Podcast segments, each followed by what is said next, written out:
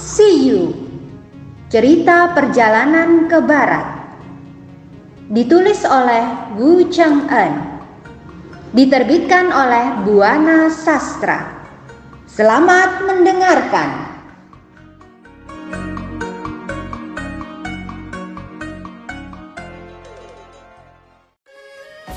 Bab 96 Sun Wukong bertarung dengan siluman kelinci Dewi Rembulan meminta Sun Wukong membebaskan siluman kelinci. Tong Sancong yang mengikuti raja masih terlihat agak murung. Tak lama terdengar suara musik dengan nyanyian yang amat ramainya.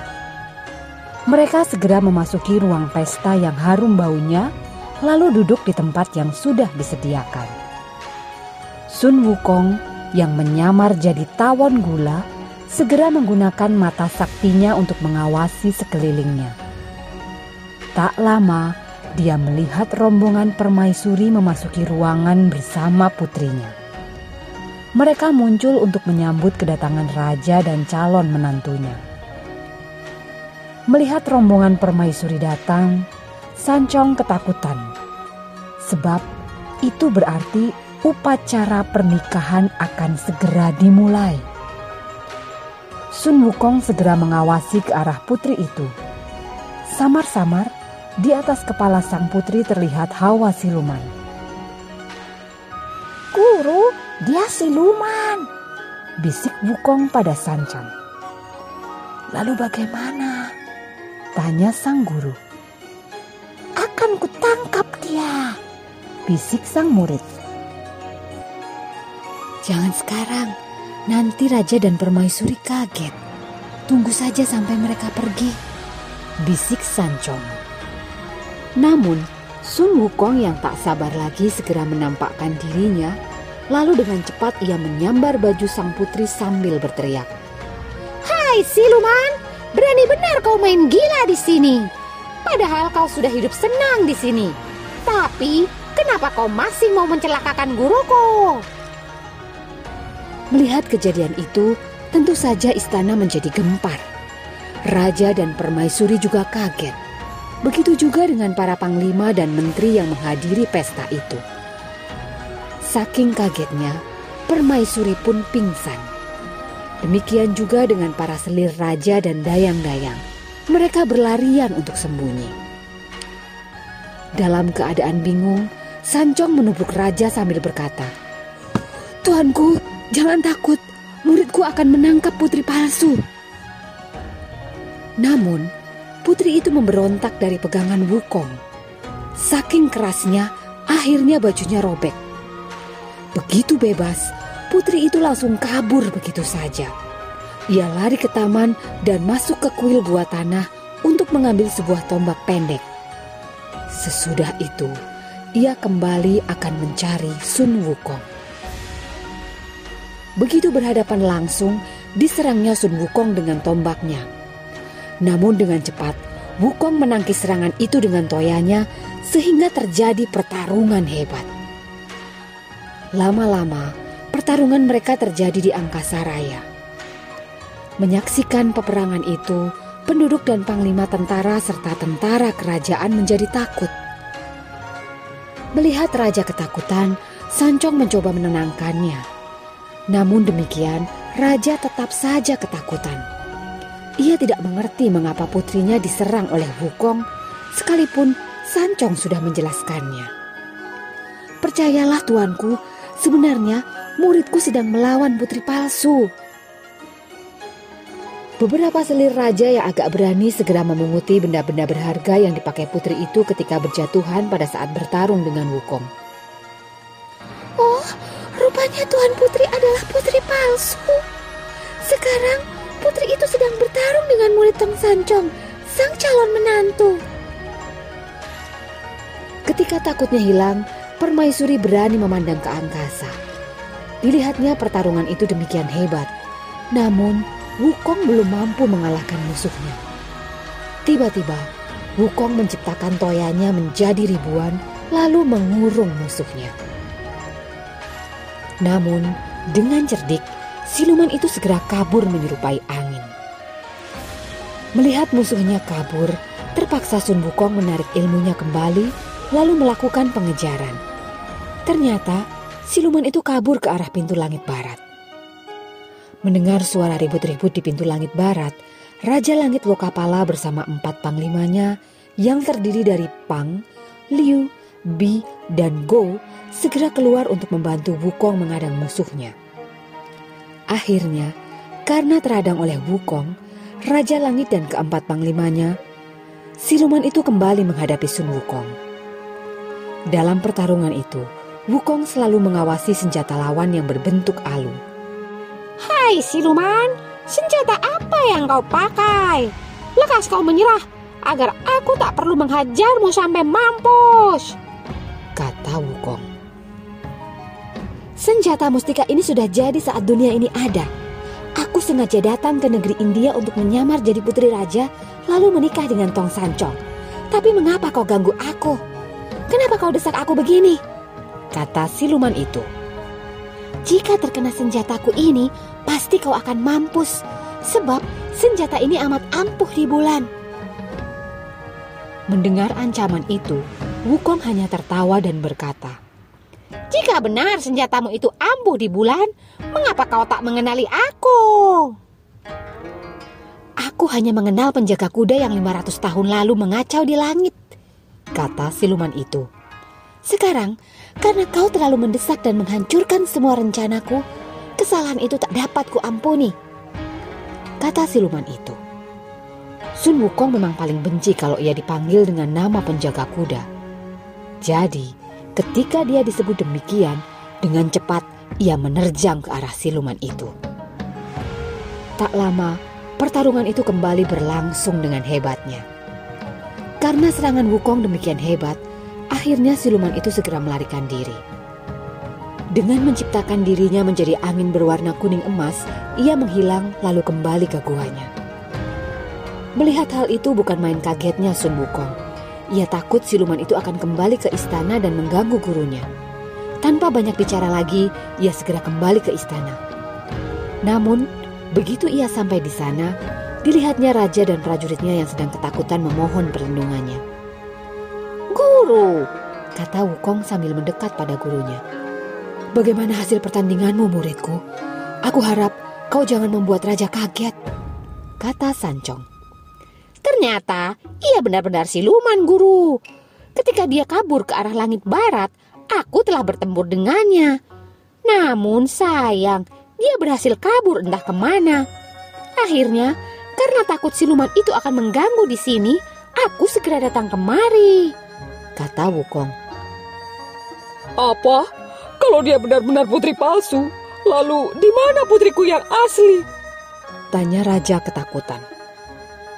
Jangan cemas, jika putri palsu ini sudah kutangkap, putrimu akan kembali kepadamu, kata Wukong. Mendengar keterangan Wukong, Raja dan Permaisuri agak tenang. Sesudah itu, ia mengajak mereka berbincang-bincang di dalam istana. Kemudian, kepada kedua adik angkatnya, Wukong berpesan. Baje, Bujing, kalian jaga guru dan keselamatan raja. Aku akan mencari siluman itu kata Wukong. Baiklah kakak, kata mereka. Sesudah pamit pada guru dan raja, berangkatlah Sun Wukong mencari siluman itu. Dengan cepat, ia pergi ke arah selatan. Melihat gerakan Wukong yang gesit itu, yang hadir menjadi kagum. Tak berapa lama, akhirnya Sun Wukong sampai di sebuah gunung di wilayah bagian selatan. Tapi Walau dia sudah mencari gua siluman itu beberapa lama, Sun Wukong belum berhasil menemukannya. Rupanya, siluman itu telah menutup pintu gua itu.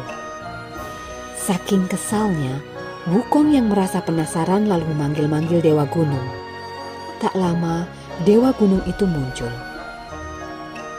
Ada apa memanggil hamba? Tanya Dewa Gunung itu. Aku mau bertanya, Tahukah kau di mana ada gua siluman? Kata Wukong. Ini gua mau Ying. Di tempat ini tak ada siluman. Yang ada hanya sarang kelinci.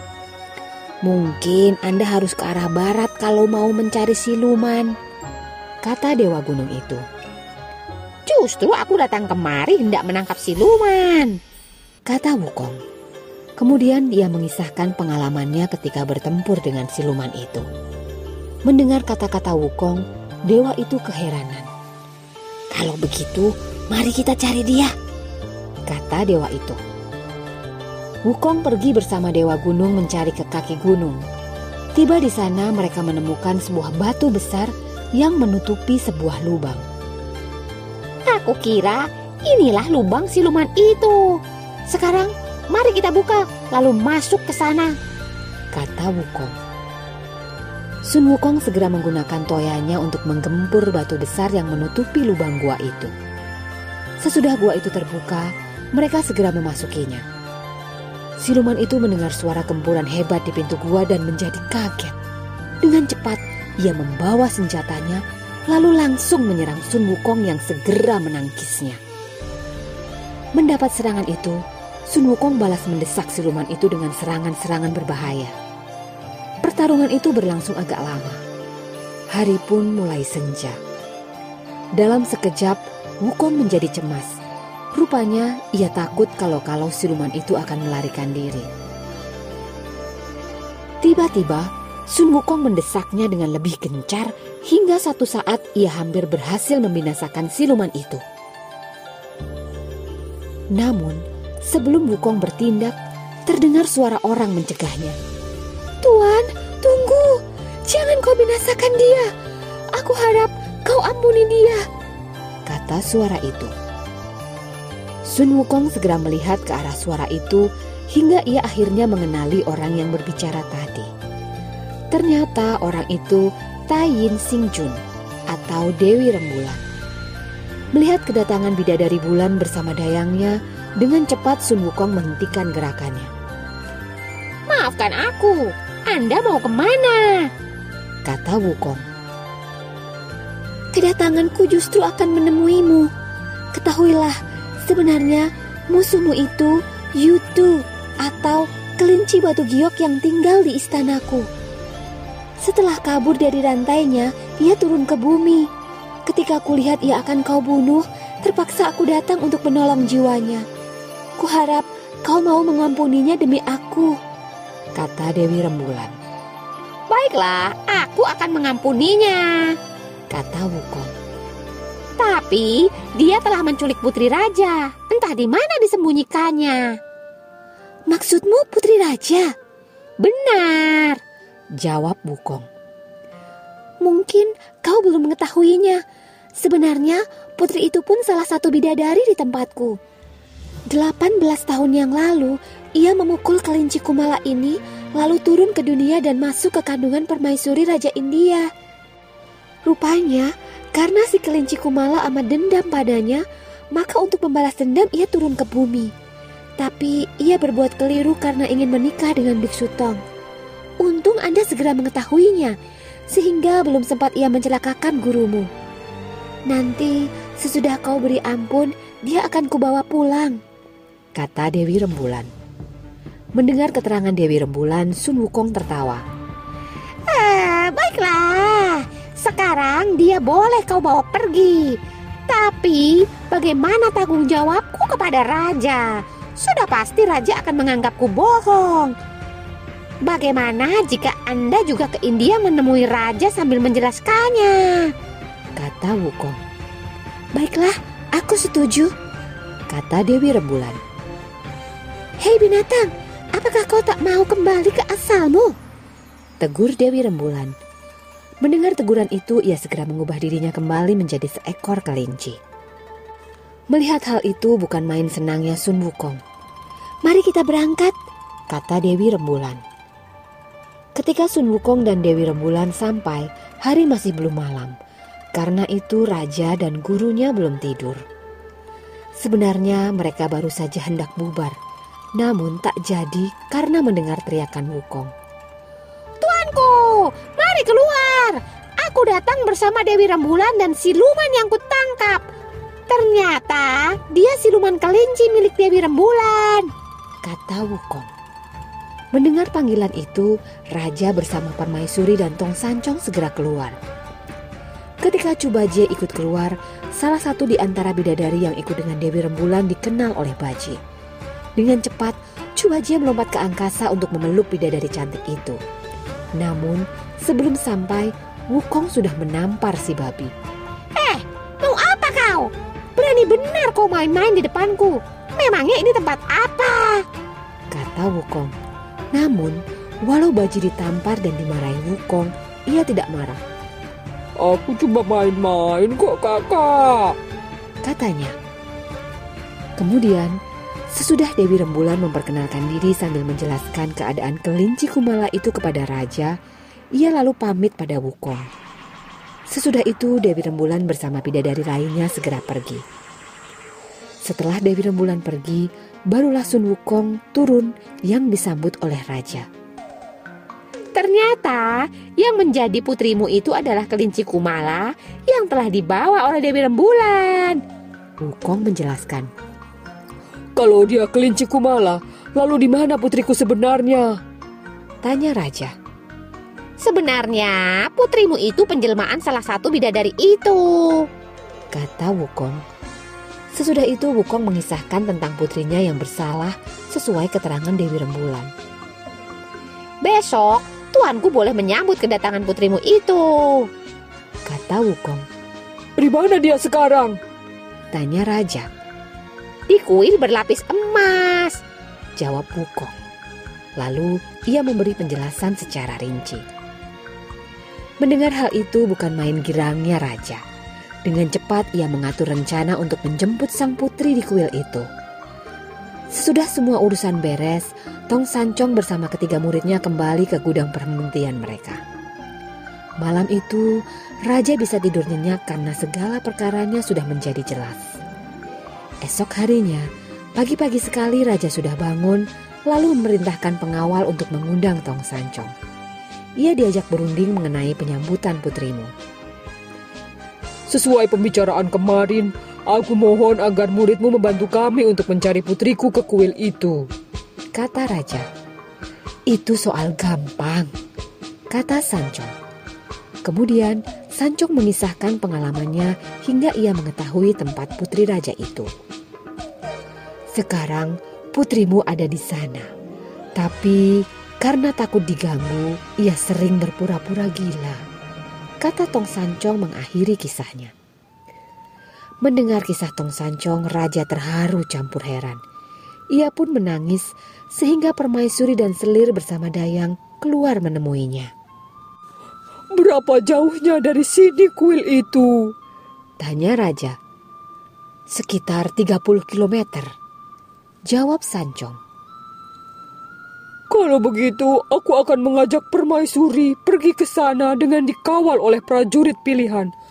Aku harap kau dan ketiga muridmu ikut bersama kami. Istanaku akan kupercayakan pada selir-selirku. Sesudah segalanya teratur rapi, Wukong sudah mendahului mereka terbang ke kuil itu. Begitu sampai di kuil berlapis emas, Sun Wukong disambut oleh pendeta di situ dengan keheranan.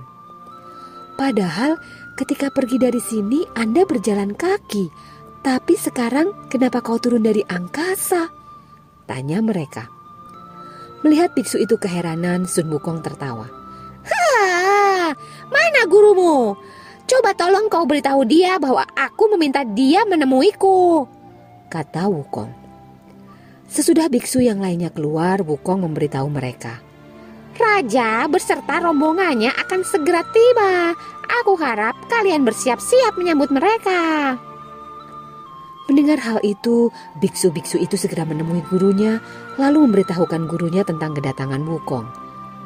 Begitu kepala biksu itu bertemu Wukong, ia langsung bertanya, "Bagaimana tentang penyelidikan putri itu?"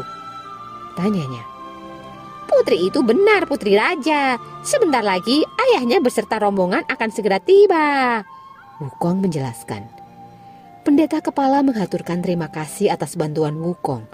Sesudah itu, ia menyuruh para biksu bersiap-siap. Lekas siapkan penyambutan. Sebentar lagi raja akan tiba. Kata Wukong. Dalam sekejap, Sibuklah para biksu di tempat itu. Mereka pun merasa gembira karena sekarang mereka tahu putri yang dikatakan gila itu ternyata putri seorang raja. Dengan cepat, mereka mempersiapkan penyambutan yang meriah. Tak berapa lama ketika rombongan raja sudah tampak mendatangi, penyambutan segera dilaksanakan. Sun Wukong yang berada di tengah para biksu juga ikut menyambut kedatangan rombongan raja. Raja yang melihat Sun Wukong sudah ada di tengah biksu jadi heran sekali. Aku memang datang mendahului tuanku. Wukong menerangkan. Oh, kau memang hebat. Kata raja sambil tersenyum pada Wukong. Tak lama biksu kepala mengundang raja masuk dan mengajaknya ke kamar yang ada di belakang. Setiba di sana mereka mendengar suara ocehan seorang wanita. Inilah kamar putri tuanku, kata biksu kepala. Coba, tolong buka pintunya. Kata raja. Begitu pintu terbuka, tanpa memedulikan lagi keadaan putrinya yang berpakaian kotor, Raja dan Permaisuri segera memburu dan memeluknya. Oh anakku, kata Permaisuri sambil menangis. Tak lama, menangislah mereka sambil berpelukan penuh haru. Setelah agak tenang, putri itu segera mengisahkan pengalamannya pada sang ibu. Sesudah putri dilayani untuk mandi, Sun Wukong pergi menemui raja. Kalau boleh, aku mempunyai usul. Kata Wukong. Mengenai apa? Tanya Raja. Gunung itu bernama Gunung Berkaki Seratus. Sekarang di gunung itu kabarnya ada siluman kelabang. Dia mengganggu penduduk atau orang yang hilir mudik. Untuk menghindari bahaya itu, sebaiknya di atas gunung itu dilepas seribu ayam jago. Setelah itu, lebih baik nama gunung itu diganti. Sebab selama ini para biksu telah menyelamatkan sang putri. Kata Wukong. Baiklah, aku setuju. Kalau begitu, mulai saat ini nama gunung itu diganti menjadi Gunung Mustika. Dan sebagai terima kasihku, para biksu akan kuangkat menjadi biksu negara dan dianugerahi hadiah. Janji raja. Tak lama sesudah mereka kembali ke istana, raja segera mengadakan pesta besar. Dalam pesta itu, yang paling banyak makan adalah baje. Selain pesta itu, raja juga memanggil seorang pelukis pandai untuk melukis gambar Tong Sancong dan rombongannya. Selesai pesta, Tong Sancong lalu pamit untuk meneruskan perjalanan mereka. Ketika Sancong mohon diri untuk berangkat, raja yang tak berani menahan lagi segera mengantarkan rombongan ini meninggalkan negerinya. Sebelum mereka berangkat, raja hendak memberi uang, tetapi semua ditolak oleh mereka. Maaf, kami tak membutuhkan uang. Akhirnya, ketika para pengantar itu seolah tak mau berpisah dengan rombongan Sancang, terpaksa Sun Wukong menggunakan ilmunya. Dengan demikian, mereka bisa meninggalkan negeri itu dengan aman.